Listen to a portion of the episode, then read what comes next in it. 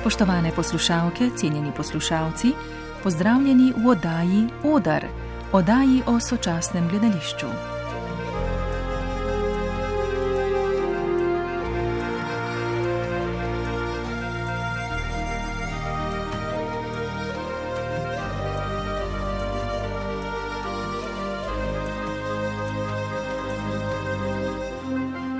Zgodovina in oblika kitajske opere se zelo razlikujeta od zahodne tradicije, saj ta vključuje literarno dediščino, značilno pantomimo, tudi akrobacijo, poleg glasbenih in dramskih učinkov pa posebne pomene vnašajo tudi barve in prepoznavni liki. Med mnogimi različicami in oblikami se je doslej svetu najpogosteje predstavila pekinška opera. O tem v oddaji Odr. Gostja Mina Grčar je sinologinja, doktorska študentka in asistentka na oddelku za azijske študije Filozofske fakultete v Ljubljani. Njeno glavno področje raziskovanja predstavlja kitajska književnost. Ob tem se ukvarja še z literarno teorijo in literarnim prevajanjem.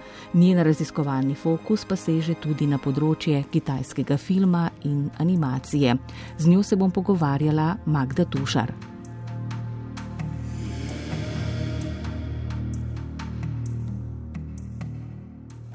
Mina Grčar, kitajska opera, ima več različnih oblik, v katero obdobje sežejo začetki oziroma obdobja, kdaj so nastajali obrisi opere ali je bila to v stoletjih pred našim štetjem bolj dvorna, dinastična zabava, kdo je bil povabljen v publiko, naprimer. Ja, res je. Kitajska opera se pojavlja v več kot sto različnih lokalnih različicah od katerih so najbolj znana ravno pekinška opera oziroma Džingju, potem kantonska opera Jeju in potem med najbolj znanimi se pojavlja še opera Kunči. Ta je pa značilna ravno tako kot kantonska opera značilna za južno Kitajsko oziroma se največkrat tu prizarja v mestih kot sta Suzhou in Šanghaj. Potem imamo še mnoge druge lokalne različice, med bolj znanimi se naprimer pojavlja Sečuanska opera, Sicer pa kitajska opera ali eh, kitajsko šiču eh, združuje številne umetnosti, kot so glasba, petje, ples, mimika, borilne in akrobatske veščine. Eh, potem jo odlikuje bogata kostumografija in poslikave obraze. Ne na zadnje pa ima tudi izrazito literarni značaj.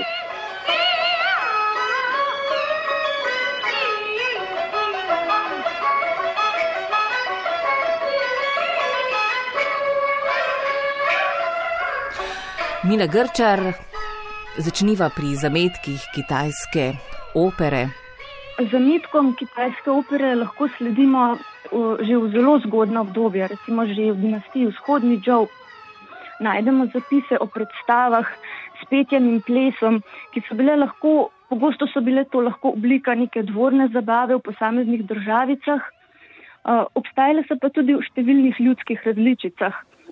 Vemo, da so se te predstave začele spajati z literarnim ustvarjanjem že v času šestih dinastij. To je bilo nekako uh, od zgodnega tretjega do konca šestega stoletja našega štetja.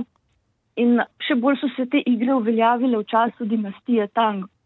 Takrat je to postala uh, nekak, nekakšna umetnost oziroma zabava za vse, uh, tako za ruralno kot urbano prebivalstvo. Seveda pa so uh, razne drame in um, podobne odrske uprizoritve postavljali tudi na cesarski dvor oziroma so bile namenjene vladajočemu sloju.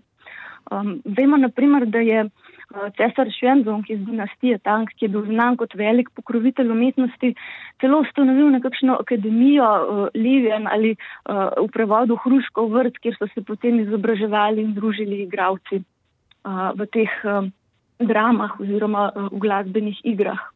Torej, gre hkrati tudi za pripovedno ljudsko dediščino, ustno zapisano, kateri in kakšni dramski slogi so bili to, o kakšni glasbi govorimo, kateri so bili recimo najbolj značilni?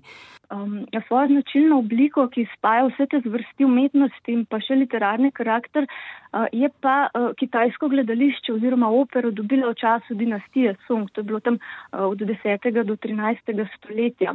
Že takrat govorimo o dveh oblikah uh, kitajske opere. Uh, prva je bila oblika Zadži, uh, to so bile nekakšne uglasbene drame, ki so bile zastopane predvsem na severu Kitajske. In drama Zadžu je pravzaprav predhodnica pekinške opere. Druga oblika pa je bila opera Nanji oziroma južna drama, iz katere pa so se kasneje razvile različice opere značilne za južno Kitajsko, kot recimo opera Kunči. Takrat je bil značaj opere že precej bolj literaren. Ponavadi so te drame, te dramske predloge za opere pisali izobraženci. Zato so bile te pisane v klasični kitajščini, ki so jo takrat razumeli samo izobraženi. To se je pa spremenilo z mongolsko dinastijo Jen v 13. in 14. stoletju. Namreč Mongoli so kot tuji oblastniki razumeli zgolj klasično kitajščino, ki je bila tudi uradni jezik v cesarstvu. In takrat je drama postala nekakšno sredstvo upora proti tujim oblastnikom in mediji za širjenje prevratniških idej. Zato so bile te drame potem pisane v pogovorni kitajščini, ki je Mongoli niso razumeli. To kritično ost so drame ohranile tudi v dinastiji Ming in v dinastiji Qing, se pravi v, v zadnjih, najpo, ne mara najpomembnejših dveh dinastijah tradicionalne kitajske, ko je pa kitajska opera doživela svoj razcvet v takšni obliki, kot recimo pekinško opero poznamo danes. Sploh v poznem Mingu in zgodnem Qingu, tam nekje od 16. do 18. stoletja, je cvetela opera Kunči, se pravi tam v Šanghaju, v Suzhou in ostalih mestih iz te regije, se pravi današnje province Jiangsu, razširjena pa je tudi v provinci Zhejiang. Ja, šele v 19. stoletju se pravi v pozni, poznem obdobju dinastije Čing, je pa svoj razcvet doživela pekinška opera in je postala najbolj popularna, najširše zastopana različica kitajske opere. Ta status je potem obdržala tudi v 20. stoletju in je še danes najbolj prepoznavna oblika kitajske opere, tako na kitajskem kot po, po svetu.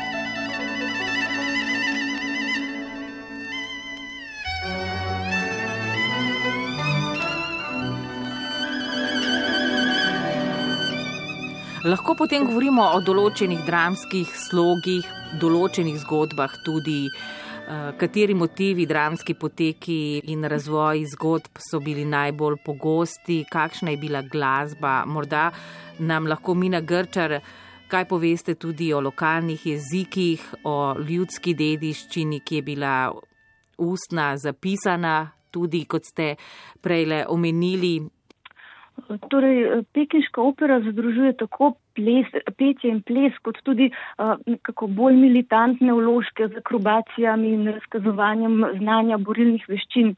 Uh, zdaj, petje in ples uh, v pekinški operi zaznamujeta tiste bolj pripovedne dele, uh, katere potem spremlja tudi bolj melodična glasba, recimo lutne in uh, ostalih tradicionalnih strunskih glasbil. To je tako imenovana glasbena spremljava ven. Uh, vložke, ki pa ponovadi predstavlja kakšne boje med liki, pa navadno spremlja tokalna glasba, tokalna, bolj dramatična glasba oziroma u. Za pekinško opero, ki je predvsem mlajšega nastanka kot večina drugih lokalnih različic, je še toliko bolj značilno, da črpa zgodbo iz tradicionalne kitajske literature. In ne samo dramatike, pač pa tudi fikcije oziroma romanov. Ena najbolj znanih takšnih oper je naprimer Opiči kralj.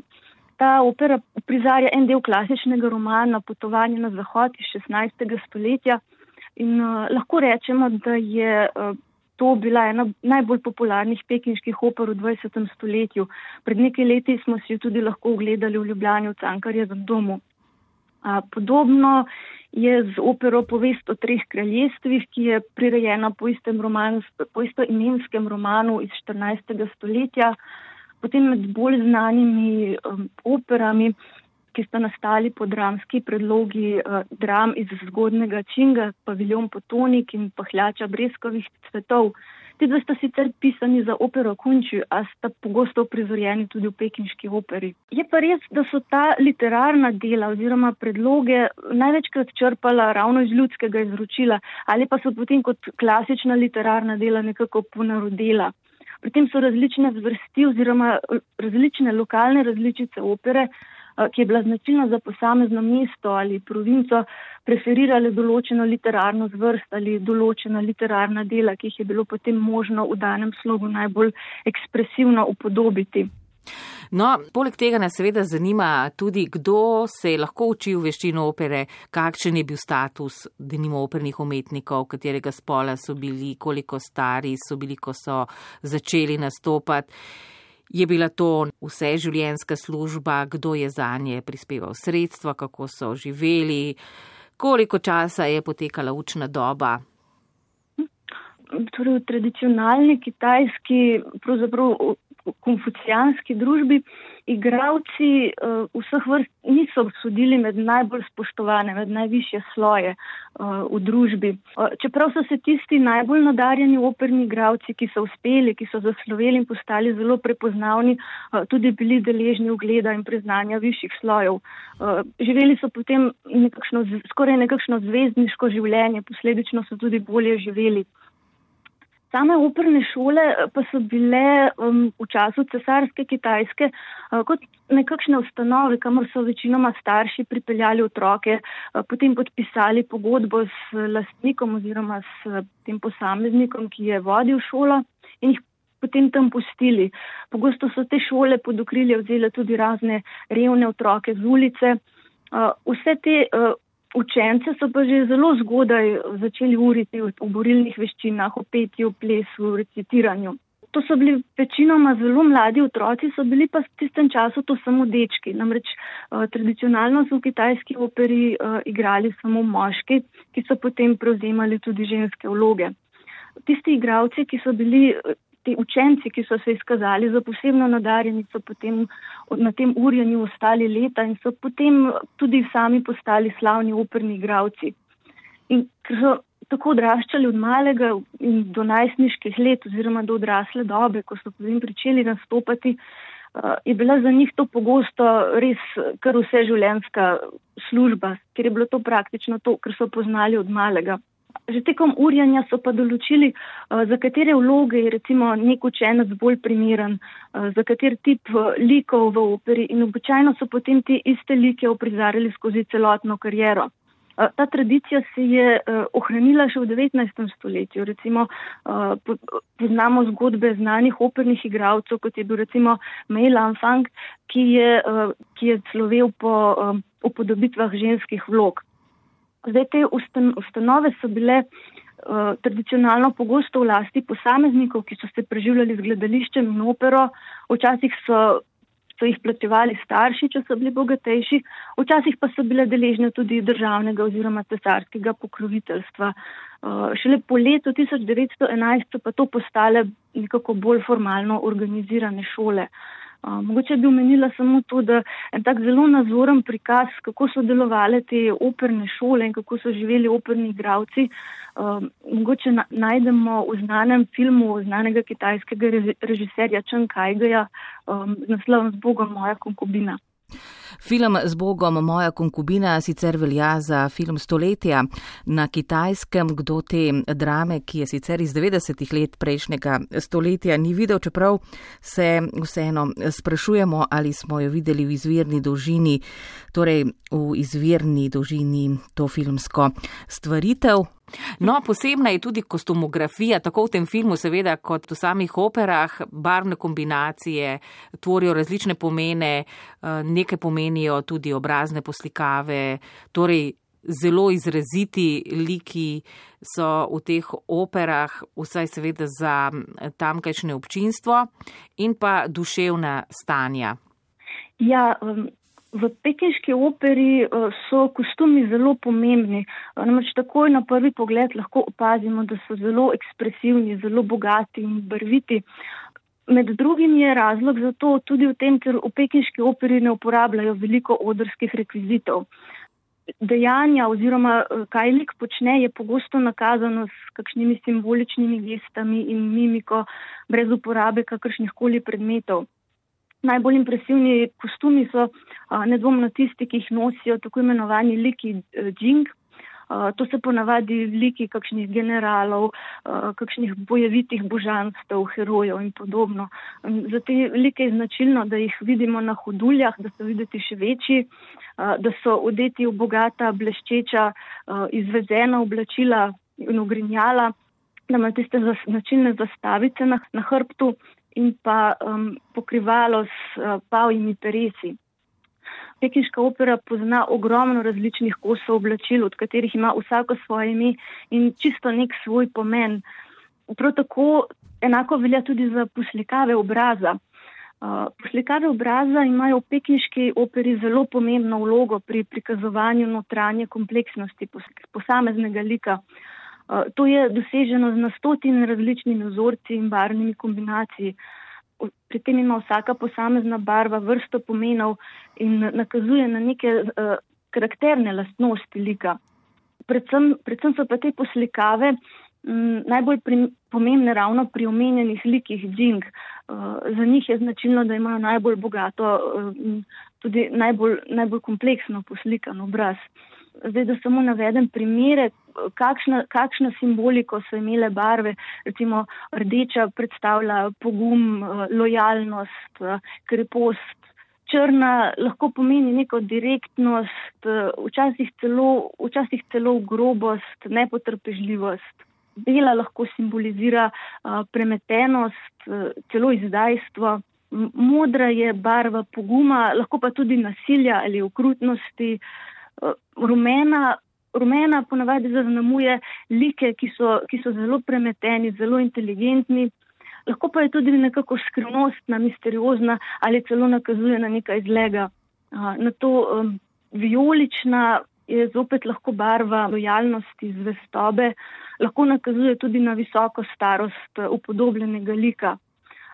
Zelena zaznamuje razna, razna zla božanstva, zle duhove, lahko je pa tudi znak poguma, Potem imamo pa, um, redkeje se pojavljata tudi uh, zlata in srebrna, ki pa nekako pripadata likom, ki upodabljajo božanstva uh, in nadnaravna bitja in duhove, demone in podobno.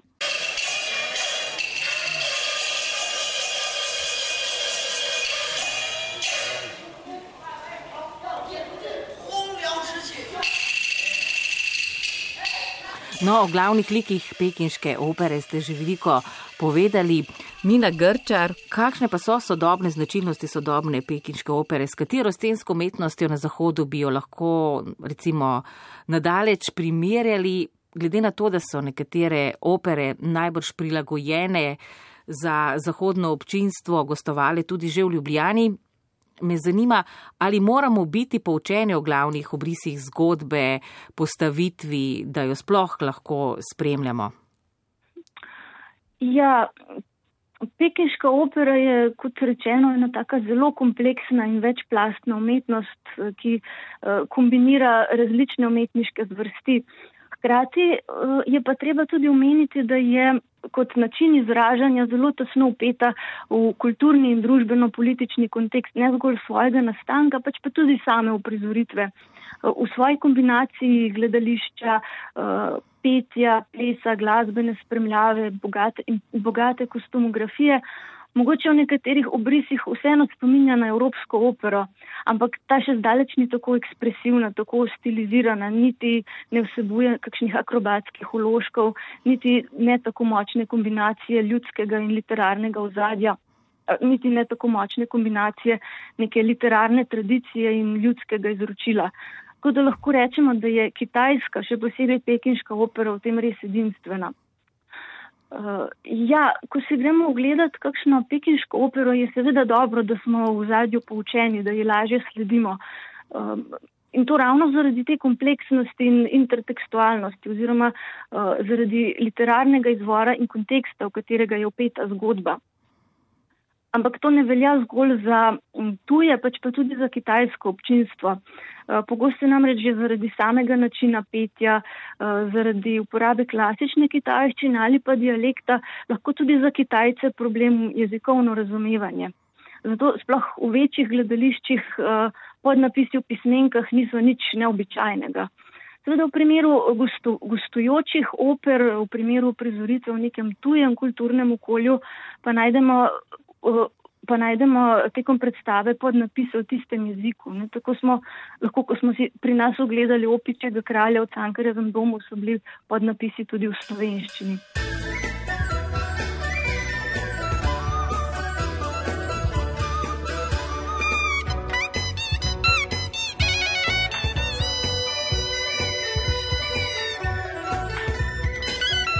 No, seveda pride do azijsko-zahodnih evropskih povezav, veliko krat na umetniški ravni, za, tudi za približevanje in povezovanje motivov. Ta je sicer japonski. Denimo pred časom je bil prizorjen motiv počinjeve opere Madame Butterfly in sicer so gostovali kitajski operni umetniki s to opero pri nas. Ti motivi Madame Butterfly imajo vpliv tako na ustvarjanje na Zahodu in Zahod nazaj na Kitajsko, na Azijo.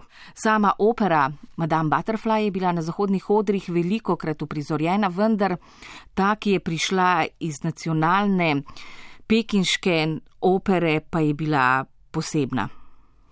Ja, počinja v opera, nekaj se dogaja na japonskem je morda res navdahnjena z neko uh, azijsko zgodbo oziroma v neki meri črpa nek azijski vpliv, vseeno gre pa v osnovi za povsem evropsko italijansko opero. Uh, uprizoritev uh, omenjene opere, kot so jo uprizorili igravci iz te prestižne tehniške opere, pa je nekako uspela ustvariti neko kombinacijo uh, zahodne, pravzaprav evropske opere in pa nekih kitajskih značilnosti. Uh, Tako da jaz ne bi rekla, da gre za eno ali drugo, ampak za nek, nek spoj obojega. No, če recimo primerjamo pekinško in kantonsko opero, katera izmed teh je bolj formalizirana oblika, katera ima več teh gibalnih veščin, da nimo danes ljudskih melodij, inštrumentov in katera je recimo morda stensko malo bolj enostavna. No, um, pri obeh gre za mlajši različici, mlajši lokalni različici kitajske opere, ki sta svoj razcvet doživeli šele tam nekako v 19. stoletju. Med njima pa je tudi nekaj podobnosti, pa seveda tudi razlik. Za, za pekinško opero, ki je danes najbolj prepoznavna, je značilno izmenjavanje pripovednih pevskih in melodičnih delov, delov ter bolj tistih, tistih militantnejših akrobatskih delov, ali pa se izmenjujejo nastopi protagonistov in antagonistov. Um, Skladno s tem v pekinški operi najdemo tudi dve vrsti glasbene spremljave. Se pravi, pripovedne dele, kot rečeno, spremlja glasbena spremljava ven, te bolj akrobatske prizore bojev pa glasbena spremljava v. Sodobne pekinške opere so največkrat um, sestavljene tam, iz šestih pa tudi do petnajstih prizorov. Čez posamezne prizore lahko včasih celo spremljamo čustveni razvoj posameznih likov in njihovih odnosov. Tako da je uh, pekinška opera res zelo, zelo, zelo kompleksna.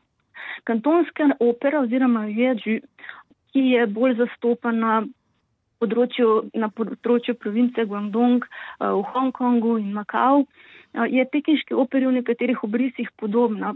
Enako kot pri pekinški operi gre za kombinacijo glasbe, petja, tudi borilnih veščin akrobatskega znanja in seveda igranja. Je pa mogoče, mogoče scensko kantonska opera malce preprostejša. Hkrati je za kantonsko opero bilo vedno značilno, da se, da se je uprezarjala ob kakšnih ljudskih praznovanjih.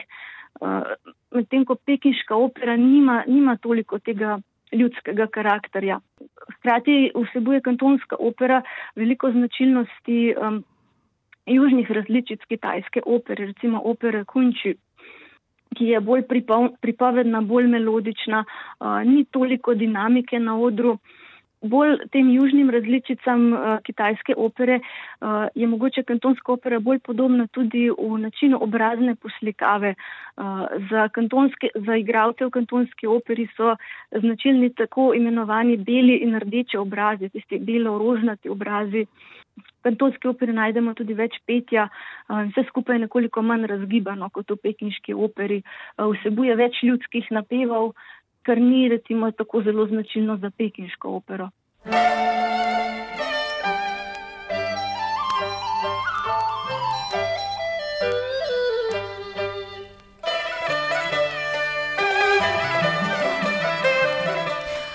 Mina Grčar pri nas se zdi, da je etablirana umetnost, klasika na več umetniških področjih še vedno dokaj dostopna.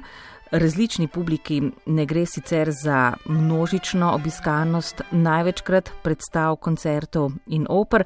Zanima me, kaj denimo na kitajskem pomeni pekinška opera danes. Na kitajskem uh, pekinška opera še vedno uživa velik ugled in tudi predstave so ponovadi vedno razprodane.